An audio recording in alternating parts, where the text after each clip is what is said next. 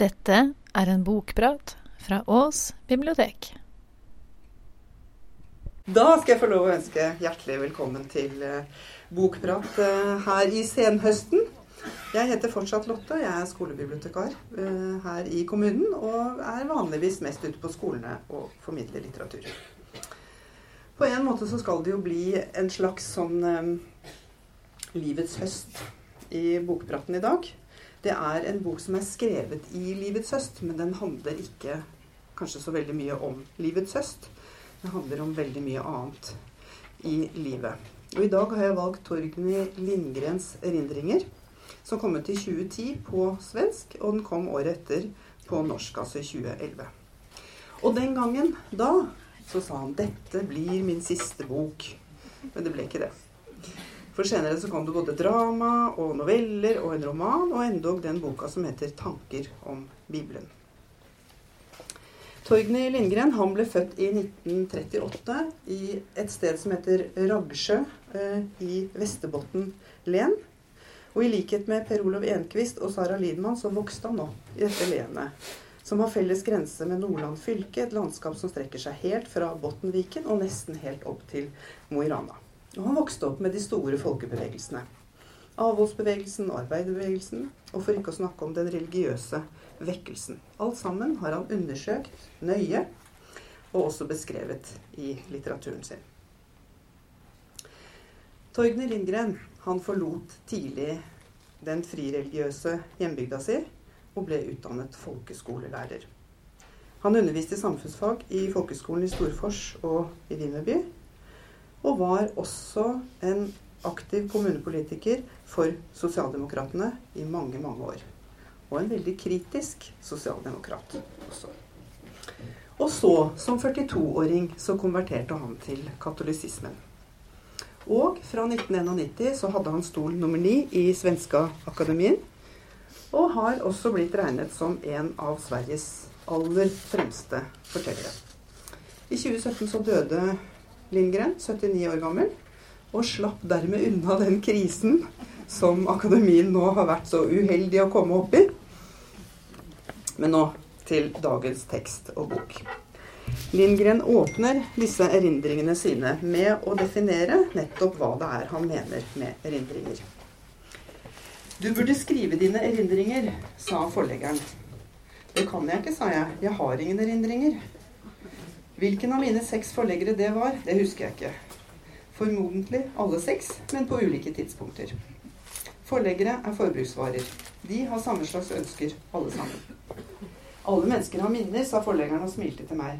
Han eller hun trodde jeg ville gjøre meg interessant ved å hevde at jeg ikke hadde noen minner. Jeg innbiller meg ikke at jeg husker noe som helst, sa jeg. I nærmere et halvt århundre har jeg forsørget meg av mine innbilninger. De har vært svært omfattende.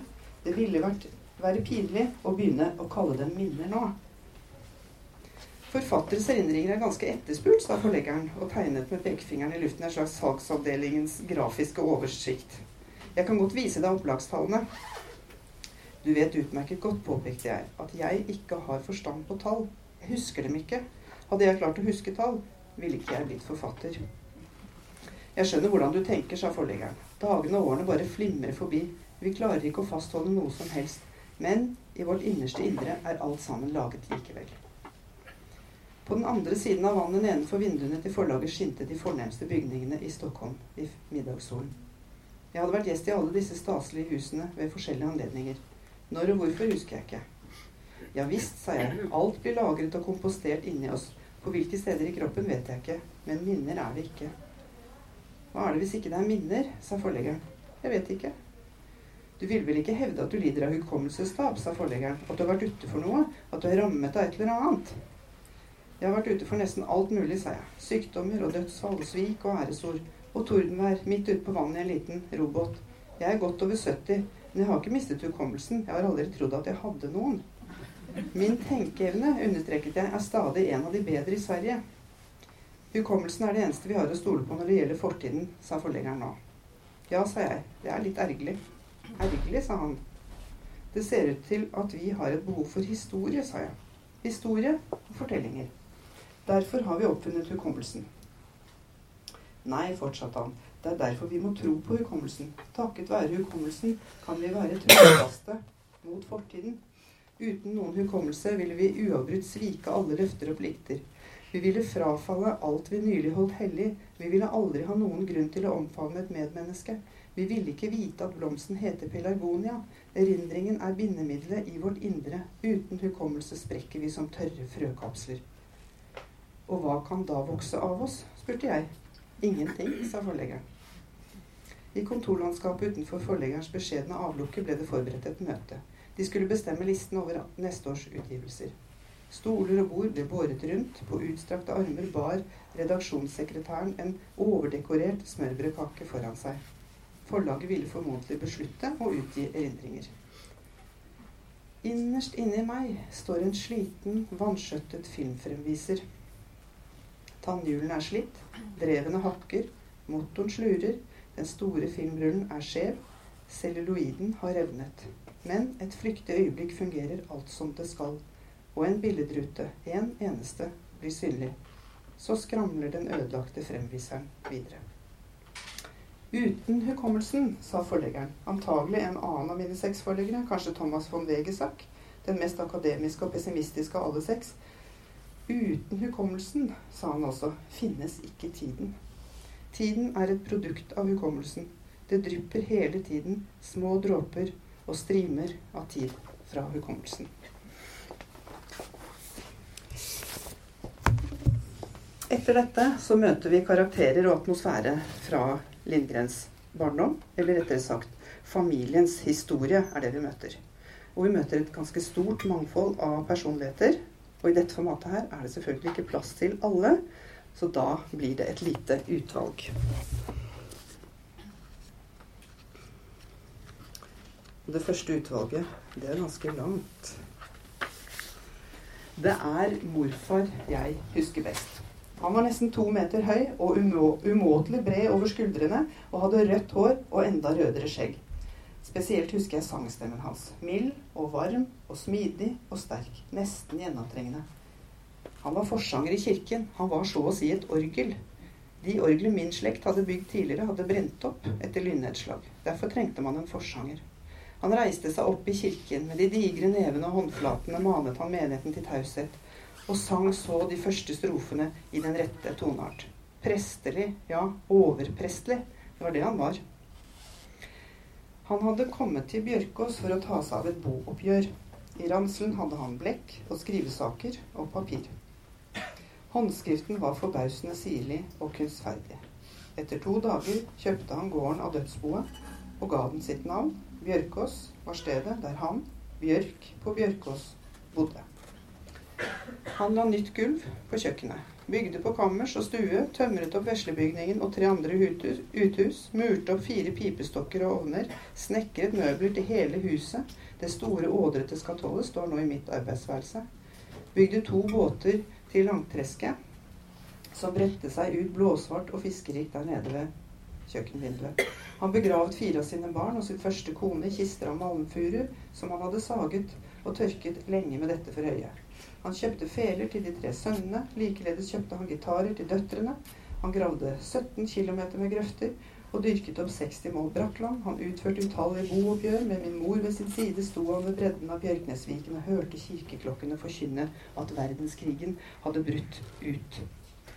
Han gravde storgrøfta ned mot Storviktjern. Der multene fremdeles modner før alle andre multer i Nordsjø sogn. Han giftet seg på ny med søsteren til sin første kone, hun som døde i kreft. Da trengte han ikke å lete etter fremmede kvinner. Og han gjorde mye som jeg har glemt. Ja, som hele verden har glemt. Det er forunderlig, pleide min mor ofte å si til meg, hvordan du på en måte ligner på morfar. Jeg har gransket fotografiene inngående, men jeg kan ikke se det. I sitt 66. år, under storslåtten, fikk han et sår på høyre håndbaken, akkurat der den digre langfingerskjenen munner ut. Han smurte på bekolje, men det leget seg ikke. Han lot Finnbergskan i Nordsjø smøre med sin særskilt legende bekolje fra sørbyen, men til ingen nytte. Da reiste han til Skellet med såret, som var blitt så stort som en, et lammøre, og som hadde hovnet opp så det skavet mot skjorteermet og blødde når han holdt i orvet på ljåen. Og legene i Skellet sendte han ham og såret, som ikke lenger var et sår, men en diger svulst, til Stockholm. I Stockholm fikk han vite at det bare var med nød og neppe han kunne redde livet. Ja, det ville vært bra, sa han. Jeg har ennå mye ugjort. Det legger vi oss ikke opp i, sa legene. Gjort eller ugjort, det er det samme for oss. Vi i Indre Vesterbotn vil fullføre alt som er vår plikt, sa morfar. Vi behandler alvorlig syke fra hele landet, sa legene. For oss er alle landskap like. Vi har kommet til jorden for å utrette det ene og det andre, sa morfar. Ennå har jeg bare gjort det ene. Ja, våre pasienter vil bare leve, sa legene. Noen spesiell grunn har de aldri. Bare leve, sa morfar. Det er vel ingenting. Hva mennesker gjør med sine liv, sa legene, det legger ikke vitenskapen, vitenskapen seg opp i. Noen bygger opp, de fleste river ned. Jeg så på denne byen da jeg kom med toget, sa morfar. Hvordan kan Stockholm bestå? Vi kapper altså ved armhulen og skulderen, sa legene. Så kan herredsdommer Bjørk reise hjem igjen. Da spyttet han på fingrene og strøk dem gjennom det strie håret. Også skjegget gredde han med fingerriva.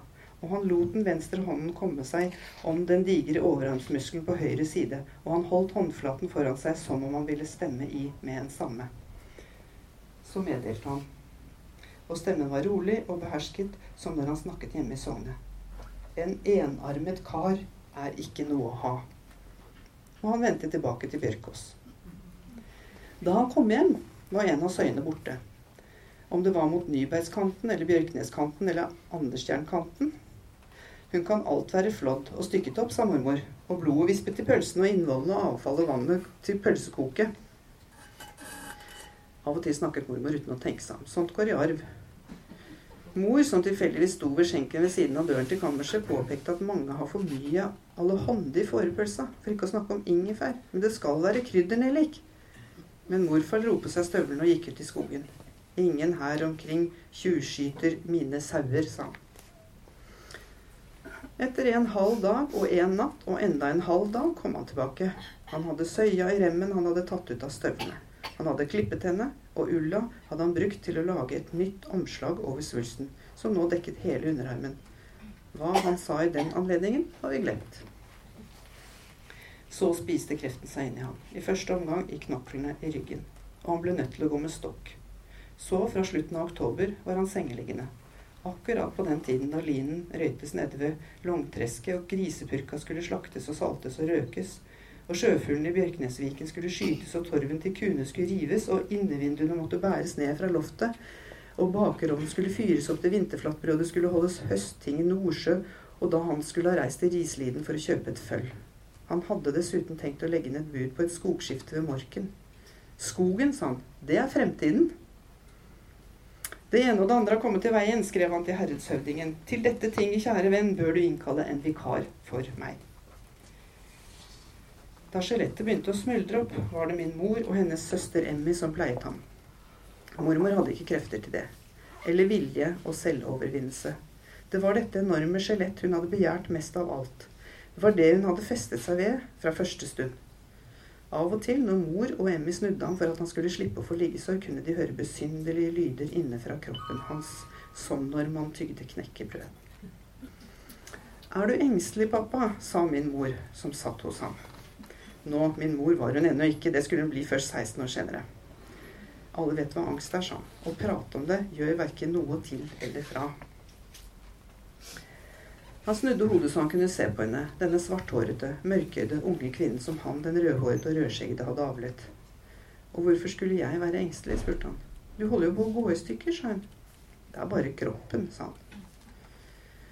Inne fra kjøkkenet hørte de hvordan den middelaldrende, altfor tidlig krokryggede kvinnen som skulle bli min mormor, flyttet grytene rundt på ovnen, og flere dufter nådde inn i soveværelset. Hva blir det? spurte morfar. Kjøtt og poteter, sa Emmy, som sto i kjøkkendøren. Fårekjøtt. Rognetrærne bak soveværelsesvinduet var bare. Har dere raksamme løvet, sa han. Ja, sa mor, og lagt det på kålokkeren. Jeg husker, sa han, hvilken glede det var å spise særlig fårekjøtt. Hvis noe er en glede, sa mor, så skal man nok avstå fra det. Kristus er ikke noe særlig begeistret for gleder. Så vendte han tilbake til sine tanker, de som fremdeles så ut til å plage ham, særlig når han så sønnene og døtrene. Du må prøve å huske på å aldri sette barn til verden, fortsatte han. Men har ikke du gjort det minst elleve ganger, påpekte mor. Iblant er man åndsfraværende, sa han. Da er det fort gjort. Kjønnslig omgang kan være fornøyelig med det samme, men i det lange løp er det ikke noe å samle på. Jeg har sett hos dyrene mange ganger, de angrer seg med en gang etterpå. Men hvorfor, sa mor, hvorfor skal akkurat jeg leve barnløs? Det ser du vel, sa han. Se på meg. Noe lignende må alle som fødes til slutt gjennomgå. Jeg tror på nåden, sa hun. Det er godt å ha fortrøstning i nåden. Jo, sa han, det går vel an for deg og mor, dere hører jo til Helgesesforbundet. Men jeg tilhører jo statskirken. Vannet de ga ham av en utskåret trekopp, hadde han så å si selskapt. Han hadde funnet vannåren foran vedskjulet og gravd seg ned til 40 fot der sandåren gikk. Og det uten ønskekvist eller tolv fader vår, bare ut fra sunn fornuft. Nei, erklærte han, noen helbredelse kunne han ikke lenger, trodde han ikke lenger på. Men han var overbevist om at vannet var velsignet. Brønnkaret hadde han bygd egenhendig, liksom brønnvippen, spannene hadde han hamret av blikkplater, og loddet, kjeden, hadde han smidd. Øsa hadde han banket ut av kobbermyntplatene han arvet fra Svanheden. Dere må ikke forløfte dere, sa han da de kom med vannet. Langt, langt senere skulle min far komme til å finne en benbit da han stelte graven. Men denne knokkelen var tross alt for stor og solid for kreften, ropte han til min mor, som rakte en, rakte en grav i nærheten. Han holdt opp beinbiten og viste henne den. Det skjønte vi alt da, ropte hun tilbake, at han ikke kunne bli helt tilintetgjort. Nå er også begge de to begravet der oppe, på den øde kirkegården på Neset. Mine foreldre, ved siden av morfar og mor mormor. Stemmen hadde han fått beholde når man lot ham være alene en stund, så sang han. Helt ut på tunet til Storsteinen og bort til Brønnlippen og hundegården kunne gårdsfolket høre. Pris vare Gud som låter oss glada vakna opp, og over jorden åter en nådedag gå opp. Eller Alena Gud i himmelrik må lov og pris tilhøra for all den nåd Han kjærleiksrik med oss har velat gjøra. Men når han snakket med mor etterpå, lød det ofte annerledes. Alt har vært forgjeves. Livet er meningsløst. Det har ikke engang noe innhold. Ingenting har jeg utrettet. Da ramset mor opp for ham alt han hadde gjennomført, særlig på gården Bjørkås, den som bar hans navn. Det meste er likevel ugjort, sa han, og ingen andre klarer å gjøre det. Ikke en tøddel er gjort ferdig, og i evigheten får man jo gjort verken det ene eller det andre.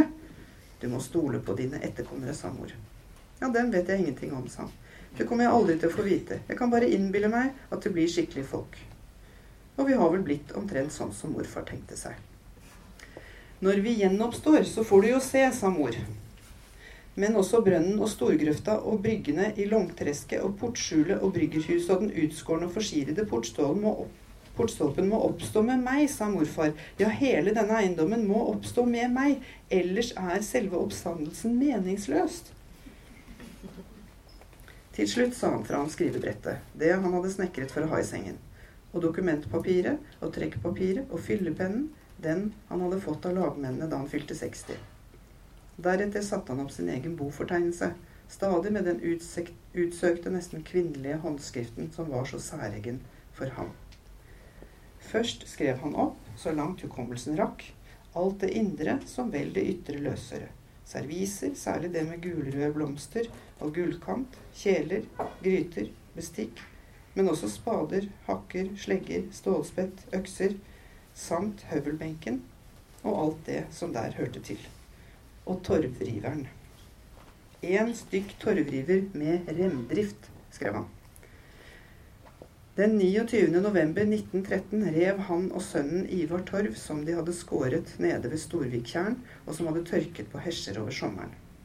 Den skulle bli strø til kuene. Oskar Helsten i Nyberg hadde kommet med dampmaskin. Det var slede før alt. Etter en stund, de hadde akkurat drukket kjøttkraften inne hos mormor, satte genserermet til Ivar seg fast i riveren. Han var bare 17 år og visste ikke sine arme råd og ermet dro inn hånden, og hånden dro inn armen. Oskar Helsten sparket unna drivremmen, men da var armen allerede revet og hakket opp helt til skulderen. Og morfar la Ivar i sleden og kjørte til Nordsjø. Men pleiersken på sykestua var rådløs og fortvilet. Kjør til Skellet, sa hun. Da morfar kom til Skellefte fem timer senere, hadde Ivar mistet alt han hadde av blod. Støvlene til morfar satte seg fast i den rødsvarte sørpa i sleden. Han kom tilbake til Bjørkas rett før morgengry. Mormor hadde hørt hestebilla nesten helt fra Treskliden. Hun sto ute på trappehylla i bare underkjolen og med et reveskinn over skuldrene. Jeg har Ivar nede i sleden, sa han. Men jeg glemte å hente sukker hos Bergstrøms i Nordsjø. Fela til Ivar henger her på veggen. Det ble aldri til at noen av oss spilte på dem. Og morfar skrev opp trillen og sledene og båtene og saueskinnsfellen og til og med skrivesakene som han brukte akkurat da. Mormor kikket inn til han og sa det er ikke så vanlig at den døde har skrevet sin egen bofortegnelse. Ja, hvem skulle gjøre det i mitt sted, sa morfar. Mot slutten skrev han til og med opp klærne og fottøyet. Og da, kanskje ved den svarte cheviot-dressen eller med lommeuret med sølvkjede, ga pekefingeren etter. Da flyttet han pennen, som med ett hadde mistet sin støtte, og lot den hvile mot langfingeren. Den var fremdeles intakt. Det har vi etterkommere bevart i vårt minne. Den skrivendes pekefinger som svikter, og skrivingen som likevel måtte føres til ende.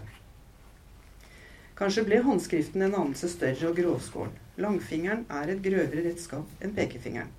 Sist av alt skrev han én stykk hundeskinnspels. Han hadde anskaffet to drektige lapphundtisper, en fra Røkå, en fra Sikksele. De 13 valpene satte han sammen med tispene i hundegården som han hadde bygd på forsiden av vedskjulet. Kanskje kjøpte han også et par valper fra Kattisberg, det husker vi ikke. Og han fôret dem med tørrfisk og poteter og avfallet ved slakten og fåretalg og kokt storlom og restene til kveldsmaten, selvsagt også en sleiv eller to med byggmelsgrøt. I løpet av året var de fullvoksne. De fikk skik et skikkelig spekklag under huden. Skal vi si huden eller pelsen eller skinnet? Ingen av dem hadde navn. De ville aldri trenge noe navn. Unntatt svarten. Min mor, som da var tolv år, pleide å gå inn i hundegården og løfte ham opp og holde ham tett inntil seg og hviske akkurat det ordet 'svarten' inn i det strittende hundeøret. Dermed kom de begge til å innbille seg at han virkelig het det. Et par ganger listet hun seg ut om natten og bar ham i armene opp til rommet sitt i annen etasje, så han fikk sove i sengen hennes. Du må spare svarten, sa hun til morfar. Ingen av disse ungbikkjene har noe navn, sa han. Rop navnet, sa hun, så skal du se at han lystrer. Du har lurt ham, sa morfar. Du har innbilt ham at han heter Svarten. Han er like navnløs som alle de andre, som alle enkeltvesener i tilværelsen. Jeg skal ta med han som en liten unge, sa mor. Akkurat som jeg tar med Emmy og Karl Erik og Åke. Jeg burde ha hindret deg i dette bedrageriet, sa morfar. Bikkjestakkaren har trodd deg på, sitt, på ditt ord. Han er den klokeste valpen jeg noensinne har støtt på, sa mor. Likevel lot han seg lure og føre bak lyset, sa morfar. Jeg har allerede sett meg ut ham som krave. Han kommer til å følge meg hvor jeg enn går, sa min tolvårige mor og trakk i de svarte flettene sine. Du skal ikke være så forferdelig følsom, sa morfar. Den følsomheten din kan komme til å føre deg rett i fordervelsen. Altså én stykk hundeskinnspels med svart krave.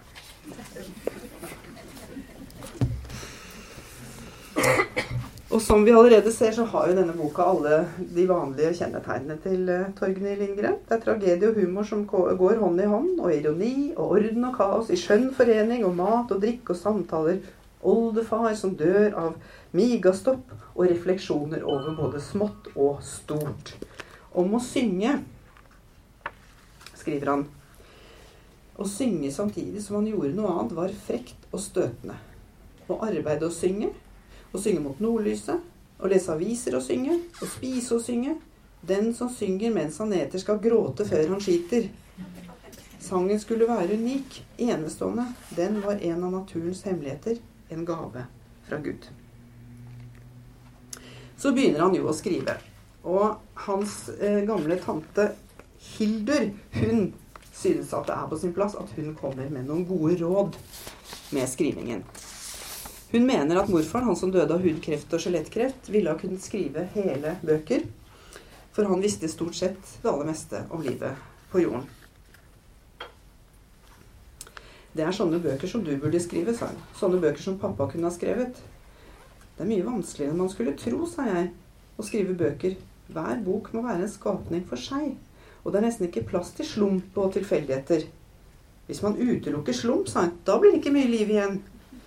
Det må være skikk og orden på slumpen også, sa jeg. Hugskott og slumpetreff kan ødelegge et kunstverk fullstendig.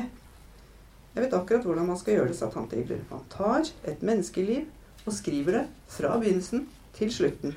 Det er ikke noe rart med det. Det er sånne bøker folk vil lese. Hele liv kan være både underholdende og lærerike. Jo, sa jeg. Enkelte liv. Du kan få bruke mitt, sa hun. Helt fra sengen i kammerset på Bjørkås og hit til Basks hus i Nygata i Nordsjø. Takk, sa jeg. Det er raust og storsint av deg, men den slags bøker kalles dokumentarromaner. Dem skriver jeg ikke. Det må være slitsomt å lage hele bøker så å si fra det tomme intet, sa hun. Ja, det har sine sider, sa jeg. Så er det selvsagt sånn at uh, Torgny Lindgren han uh, erindrer voksenlivet også. Så må vi jo koste på oss en liten snutt om akademien, siden han jo tross alt var et medlem der.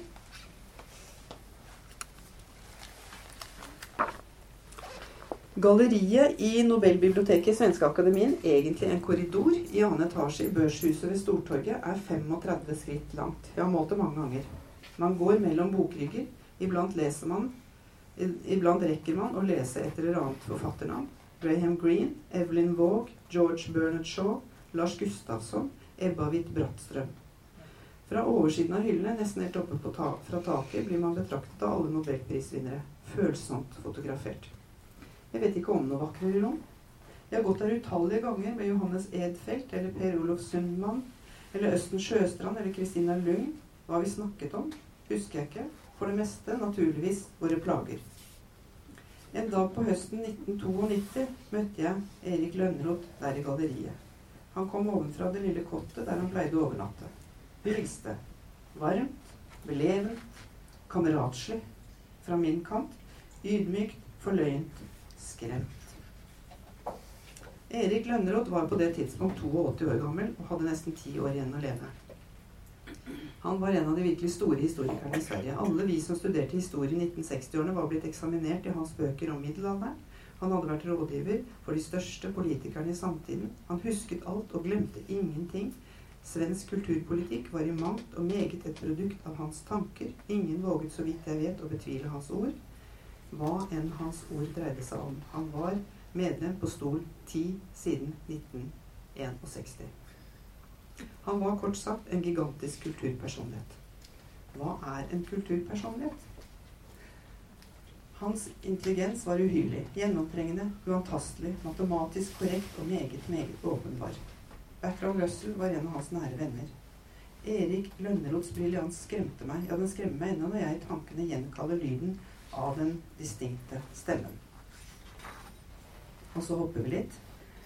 Et par uker før vi nå møttes oppe i det lave galleriet med det store og vakre teppet fra Kast Hall, begge med sort slips, så hadde Erik Lønneroth ved en anledning spurt meg Hvor hører du til, Torgny Lindgren? I hvilken generasjon? Til hvilken skole? Hvilket tiår?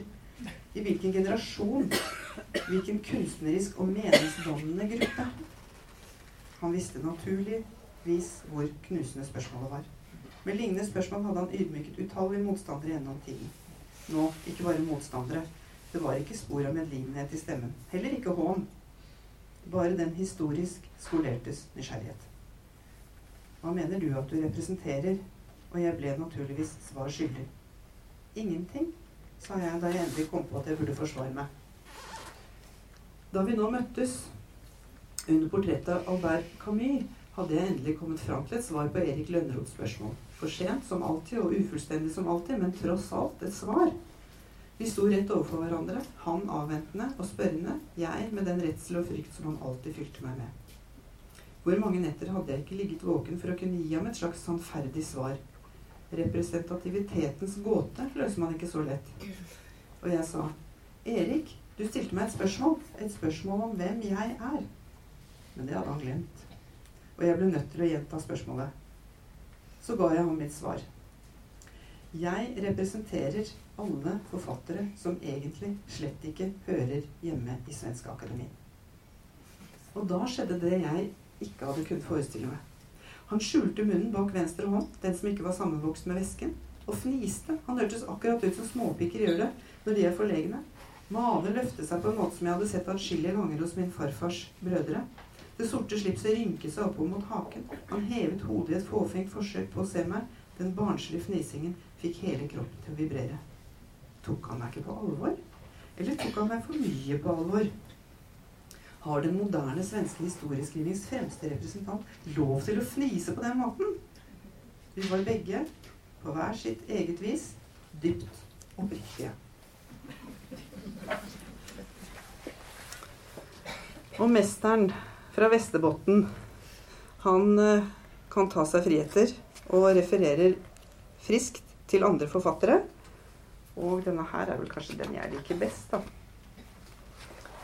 Det var i den tid jeg gikk omkring og sultet i umet, denne forunderlige by som ingen forlater, før han har fått merker av den. Det hendte også at jeg syklet, siden sykkelen min ennå ikke var blitt stjålet. Lindgren startet med å definere erindringer, og helt på slutten så skriver han Mitt liv har ikke vært en roman, men en novellesamling, sier jeg til min forlegger.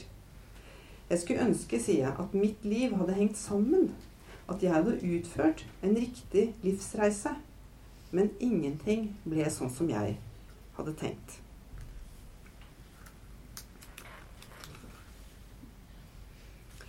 Når jeg tenker på mitt liv, hører jeg bare det evinnelige pratet.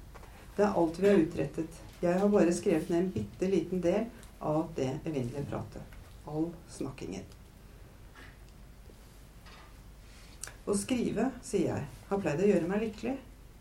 Nå har jeg lengtet tilbake til min ungdoms og beste alders munterhet. Nesten alt jeg har skrevet, har jeg skrevet i munterhet. Jeg har stadig måttet bekjempe munterheten så den ikke skulle synes. Hvorfor det? Jeg tror, sier jeg, at munterheten er en alvorlig synd. Og det er en synd i hvert fall jeg kan leve godt med. Takk for meg.